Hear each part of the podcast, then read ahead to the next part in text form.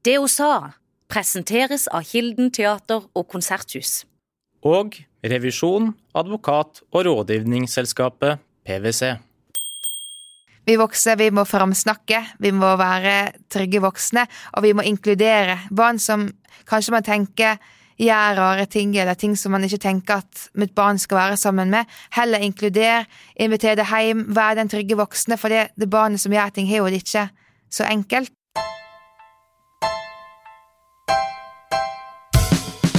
Siril Bratten, velkommen til det hun sa. Takk. Du er lærer, Ja. og så sendte du oss en melding på Instagram der du skrev at du hadde lyst til å komme til podkasten vår for å snakke om noe du brenner veldig for. Ja. Eh, Et stikkord for det er mobbing. Mhm. Og så handler det litt om hva kan man gjøre, og hvordan kan man snu noe som i utgangspunktet er negativt, til noe positivt. Ja. Og dessverre så er jo dette her med mobbing veldig aktuelt. Du opplevde å bli mobba sjøl. Ja. Kan ikke du prøve å fortelle oss litt, ta oss med litt tilbake til barndommen din, og fortell hvordan det var, og hvordan det foregikk? Jo. Det begynte da jeg var ca. åtte år. Jeg gikk på liten skole eh, med åtte elever i klassen.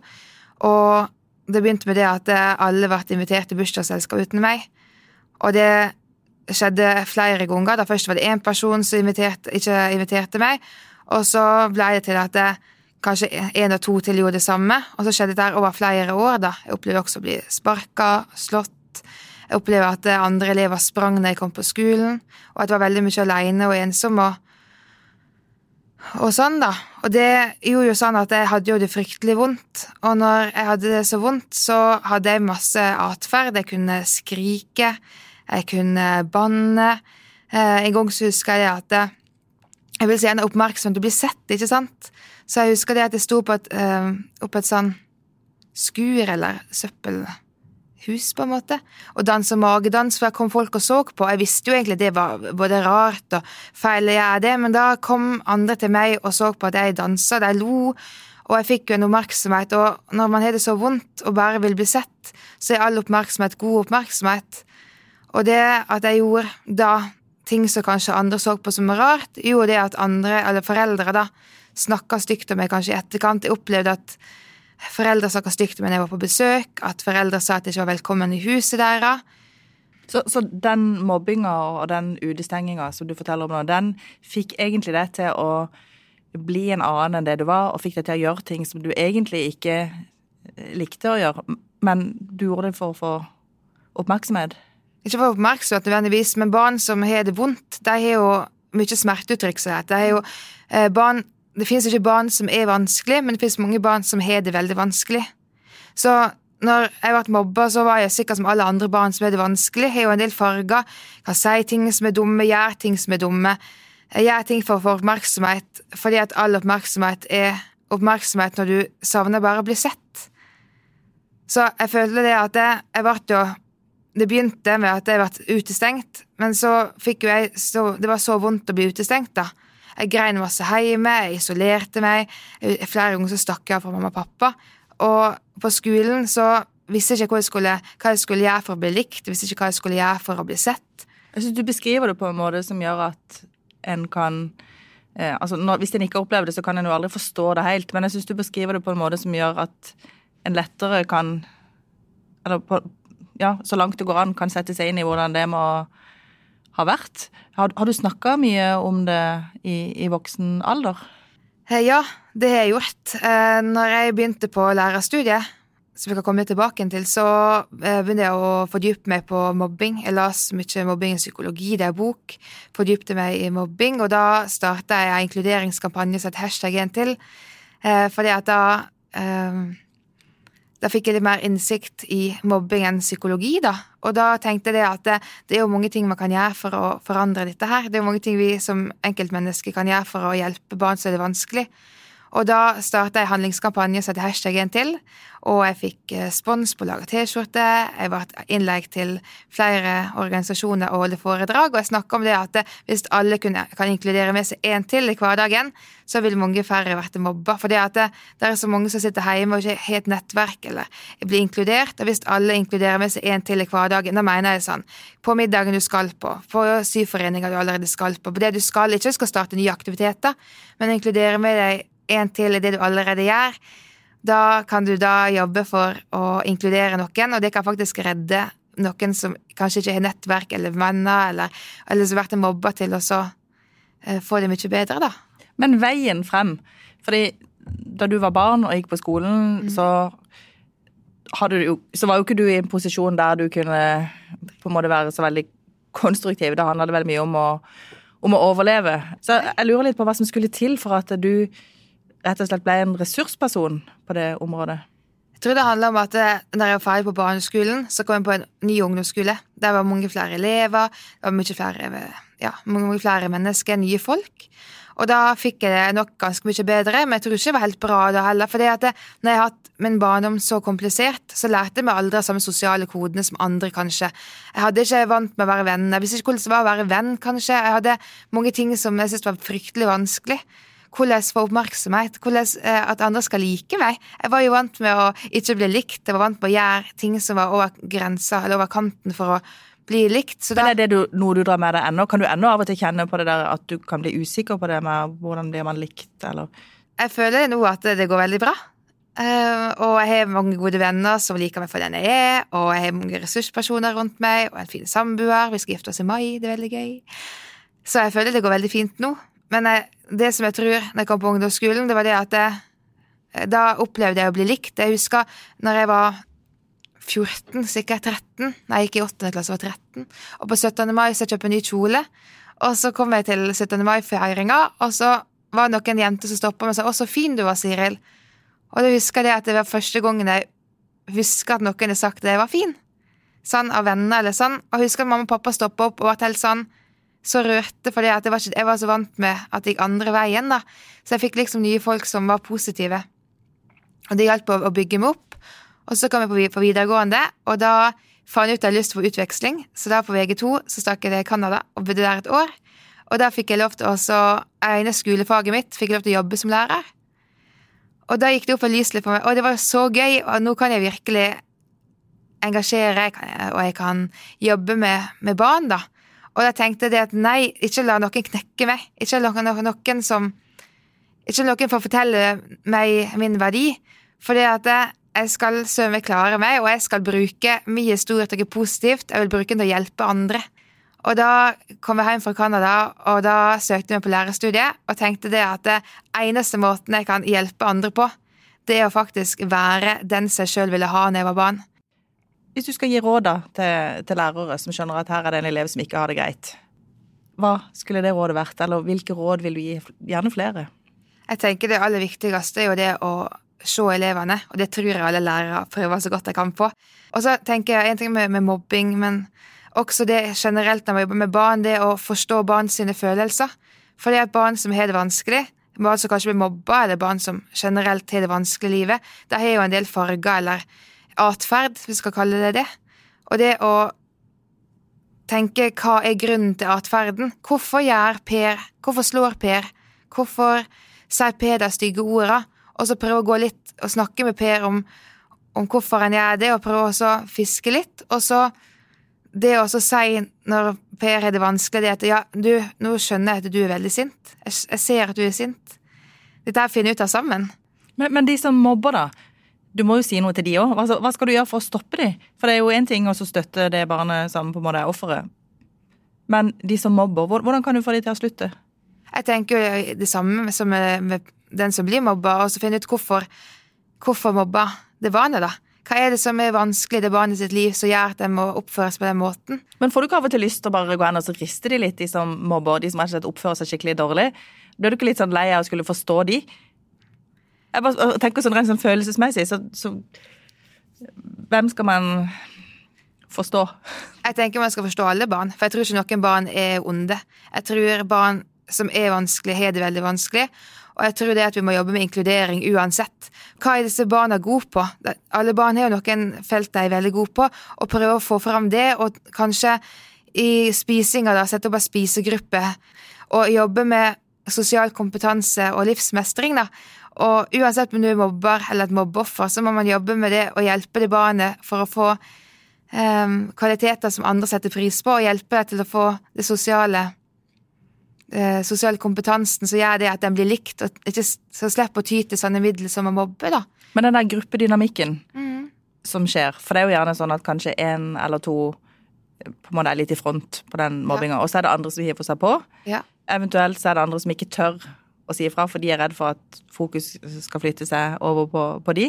Mm. Er det noen god måte å bryte opp um, sånne strukturer på, eller den Jeg jobber masse med klasseledelse og i klasser. Snakke om ting. Um, snakke om hvordan man vil ha det, klasseregler.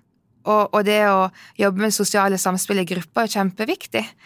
Og det å, å oppfordre barn til å, å tørre å være seg sjøl, og det du er god nok. Du god nok sånn du trenger ikke å spille en rolle for å være god nok. Det tror jeg er kjempeviktig, da. Møt Hedda Gabler, Rebekka West og flere av Ibsens sterke kvinner under Ibsens fest i Kilden siste uken i april. Se programmet på kilden.com.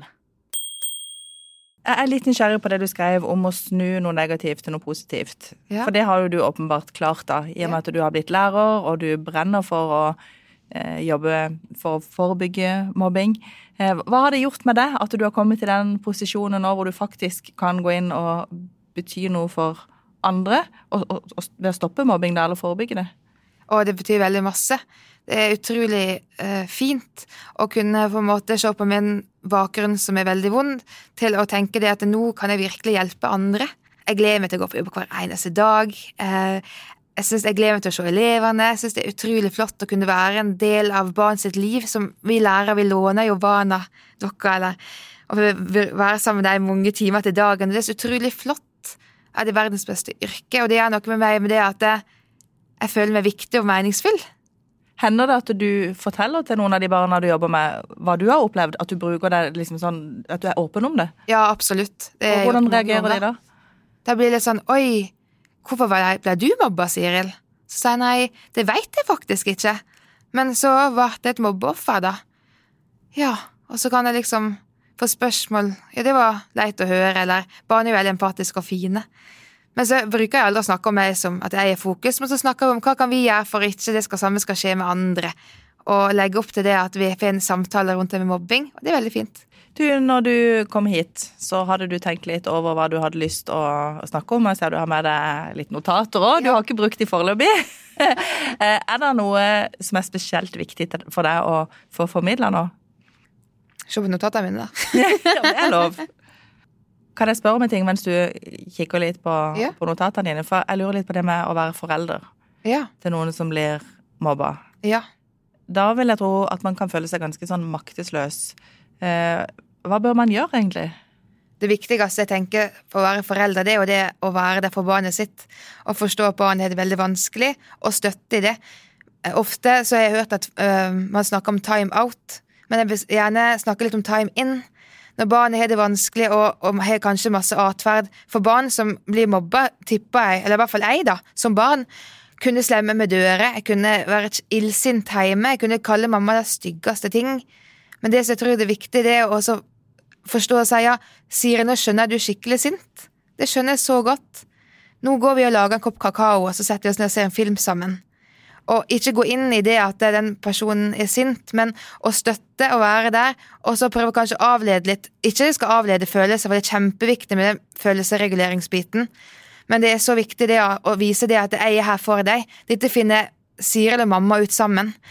Og i stedet for å kjefte og være sint og si 'nei, sånn kan du ikke gjøre', ikke gjør sånn, og nå gjør du sånn, og blir følelsesmessig agert sjøl, da. Det er på den ene sida med barnet. Så tenker jeg det er så viktig å ha en dynamikk med skolen. Nå er jo en veldig godt reglement i skolen som heter NIA, som mange skoler har en sånn mobbeknapp på hjemmesida, der du kan trykke, du kan ha dialog med rektor, sosiallærer, og det er så viktig å ikke være redd for å snakke med skolen om det, da. Men de som mobber Ja. eh, Hvis man har et barn som blir mobba, og Ja. man vet hvem det er som mobber, bør man sjøl ta kontakt med de barna og de sine foreldre, syns du? Hadde det hjulpet deg den gangen hvis eh, dine foreldre hadde snakka med foreldrene til de som mobba? Både ja og nei, tipper jeg. Jeg tenker jo det at eh, få skolen på lag, og få skolen til å så jobbe med dette her, for det er jo ingenting som er bedre enn åpen dynamikk. Men det må ikke være noe sånt med å legge skyld på hverandre, for som sagt så tror jeg det er så at den som mobber har det også veldig vanskelig, da. For med en gang man blir en sånn Det hjelper ikke barnet hvis det blir en krig med foreldre eller med, med elevene. Det hjelper jo ingen. Du, er det forbundet med skam å bli mobba? Jeg vet ikke skam er rett ord, men for min del så har jeg hatt det veldig vanskelig når jeg har vært mobba, og veldig vanskelig etter jeg har vært mobba, fordi at vold er en liten plass. Eh, jeg tror Det er jo en gruppedynamikk som er mobbing. Det er jo ikke én, det er jo flere som henger seg på. Og om ikke andre henger seg på, så vet kanskje ikke andre hva man skal gjøre. Og det er jo fryktelig vanskelig å være den som har blitt utestengt, eller som har hatt det veldig vanskelig, eller blitt mobba. Så jeg vet ikke om ordet skam er rekt. For jeg er jo en person som tenker ok, jeg har opplevd det. Og jeg vil jobbe som lærer, jeg vil jobbe med forebygging, jeg vil snakke om det, jeg vil være åpen. Jeg har flere ganger stilt intervju før. Og jeg tenker at det er så viktig med åpenhet, fordi at uten åpenhet så kan vi aldri jobbe med ting. Nei, Og med åpenhet så kan vi også kvitte oss med skam. Ja. Så jeg tenker at for min del så er jeg veldig fighter. Jeg er veldig sånn som skal fikse. Ikke fikse Kanskje fikse andre, men fikse meg sjøl. Jeg er veldig sånn som skal jobbe med ting. Jeg tenker at eneste måten jeg kan bidra på, det er å være engasjert, og det er å snakke om ting. Så jeg vet ikke om, om det med Hvis man er åpen og tør å være åpen, så tenker jeg det er fint. Og det å komme her i det hun sa og fortelle din historie, er jo en del av det. Ja, absolutt. Um, jeg vet at du også har engasjert deg i politikken. Ja. Bruker du noe av den erfaringa og den kompetansen du har der? Absolutt. Jeg tror det er derfor jeg vil engasjere meg politisk. Fordi jeg er jo når jeg Du må si hvilket parti du Ja, jeg sitter i Senterpartiet, og jeg første var til bystyret og et par utvalg i første året. Jeg er veldig åpen med å fortelle om min bagasje og hvorfor jeg brenner for det jeg brenner for. Og jeg er veldig åpen for å lage verdens beste skole, eller å være, lage et samfunn der alle blir inkludert. Ikke bare skolen, men jeg tror vi ikke starter skolen. Men lage et samfunn der ikke noen detter faller utafor, men heller blir inkludert inni, da. Og så er jeg jo snakka om det med å inkludere og det å ta med seg en til på det man skal, som er min, en av mine hjertesaker. Men like viktig er jo det å tenke over hvordan vi voksne er. For barn de lærer ikke som mobbe på skolen. Det er jo det at jeg opplevde som barn å bli mye mobba av voksne. Det var voksne som baksnakka meg. Det var voksne som anerkjente det at barnet inviterte alle bursdagsselskap uten meg. Det var voksne som snakka stygt om meg når jeg både var til stede og ikke var til stede. Og det å gå i seg sjøl og tenke er jeg godt forbilde? Er jeg flink på å inkludere? Er jeg flink på å framsnakke? Er flink på det å være et ja, godt forbilde, men også det å ikke snakke stygt om TV-dama. Ikke snakke stygt om andre, for barn snapper jo opp det som skjer under middagsbordet. Og det å bruke middagsbordet til kanskje heller framsnakking og sånn, ikke snakke stygt om andre eller ned om andre, eller kommentere hvordan andre ser ut, eller hvordan andre er. Fordi at barn snapper jo opp ting hjemmefra, og ikke minst kommentarfelt på Facebook, Instagram, og det å snakke ned andre, er det jo ingenting fint å si, så la være å si det. For vi, det starter med oss voksne, altså. Vi voksne må være gode forbilder. Vi må være rause, inkluderende, og vi må også inkludere barn som har det vanskelig. For jeg tenker det at det som foreldre så Ofte så kan man oppleve at barn er annerledes, sånn som meg. Men jeg hadde jo bare trengt at én voksen, og det hadde jeg også, altså. Men at eh, voksne tok meg med inn i varmen, og voksne likte meg, og at ikke jeg sa det at du er ikke velkommen til mitt hus, men heller sier de veldig velkommen til mitt hus. Fordi at da, hvis jeg fikk kjærlighet og vært sett, så ville jo jeg hatt det veldig mye bedre, og det gjelder alle barn som kanskje man som voksen tenker at disse barna her vil jeg kanskje ikke mitt barn skal være sammen med, men tenk omvendt, dette barnet vil jeg hjelpe og inkludere og være raus med, og heller inkludere og være den voksne som barnet trenger, for da kan det hende du kan redde et barn, altså. Og det er kanskje viktigst jeg kan formidle her i dag. Du, vi har en um, fast post ja. i podkasten som handler om at man får lov å fremsnakke en annen person. Ja. Har du Vet ikke om du har forberedt deg, men har du lyst til å fremsnakke noen? Jeg tror det som motiverte meg mest i livet, da, det er jo alle de som ikke har trua på meg. Jeg tror det at det, flere ganger, både som barn, så har jeg fått hørt at jeg kan ikke bli lærer, for det, det, var ikke sikkert jeg hadde klart det. Jeg har fått høre fra lærere. Jeg har fått høre fra lærere på høgskolen det at jeg med min bagasje kan jo ikke bli, bli lærer. Det var best å slutte. Det har gitt meg veldig motivasjon til at ingen skal knekke, men det skal jeg få til. Dette, altså, jeg brenner virkelig for dette her. Så når jeg kom ut i praksis flere plasser, så har jeg fått det veldig bra til, og hatt ingen spesifikke flere praksislærere sagt å, det er så gøy å se at du er lærer, Siril. Jeg har fått veldig gode tilbakemeldinger, gode karakterer. Så har liksom Det har vært veldig fint. Og så er det en person, er ikke en dame, da, men en person som jeg møtte i barnevernet, som virkelig har, ja, inspirert meg. Det var en som heter Pål Siris. Jeg jobber med han i barnevernet. Som alltid heier på meg. Som alltid tror på meg. Som, og har en evne til å møte andre mennesker med en sånn rolighet og det å lytte. Veldig fint. Og Siril Bratten, tusen takk si, for at du ville fortelle om hvordan du har brukt din egen personlige erfaring rett og slett til å velge både jobb og til å velge hvordan du vil utføre jobben.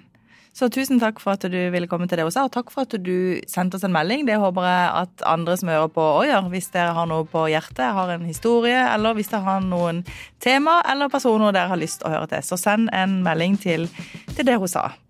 Ja, tusen takk for meg. Du har lytta til Federlandsvennens podkast Det hun sa med Birgitte Klekken. Har du tips til andre bra damer vi vil snakke med, eller har du lyst til å dele inspirerende erfaringer fra ditt arbeidsliv? Ta kontakt på dethosa1fun.no.